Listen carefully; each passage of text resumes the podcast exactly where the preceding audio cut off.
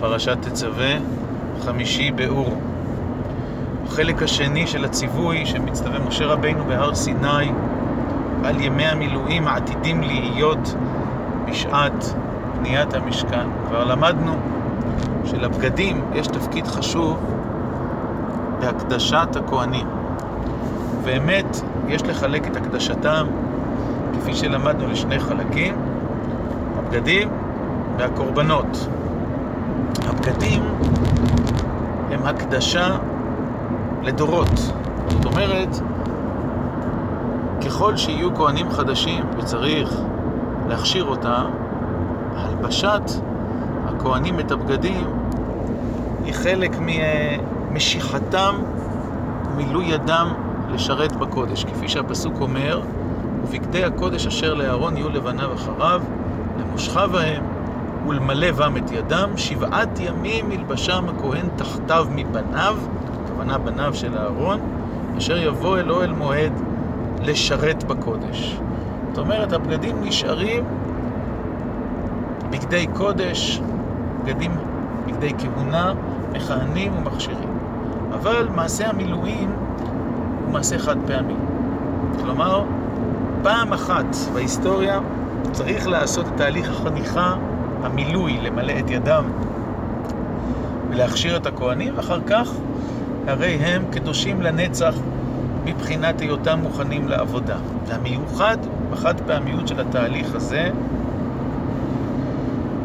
שמשה רבינו הוא הכהן גדול, הוא עובד בשביל אחיו הכהנים, אהרון ובניו, ועל ידי עבודתו הם מוכשרים.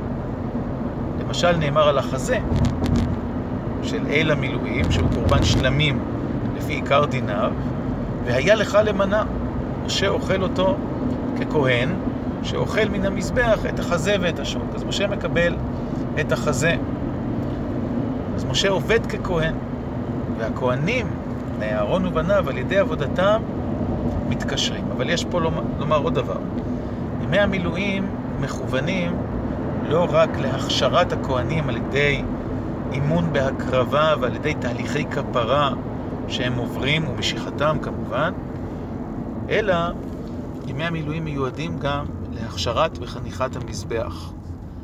וכך הפסוק אומר, ועשית לאהרון ולבניו ככה ככל אשר ציוויתי אותך שבעת ימים תמלא ידם, כלומר, הקרבת פר העולה ואל המילואים, שבע פעמים, שבעה ימים, מיועדים להכשרת הכהנים. אבל יחד עם זאת צריך לעשות גם פר חטאת.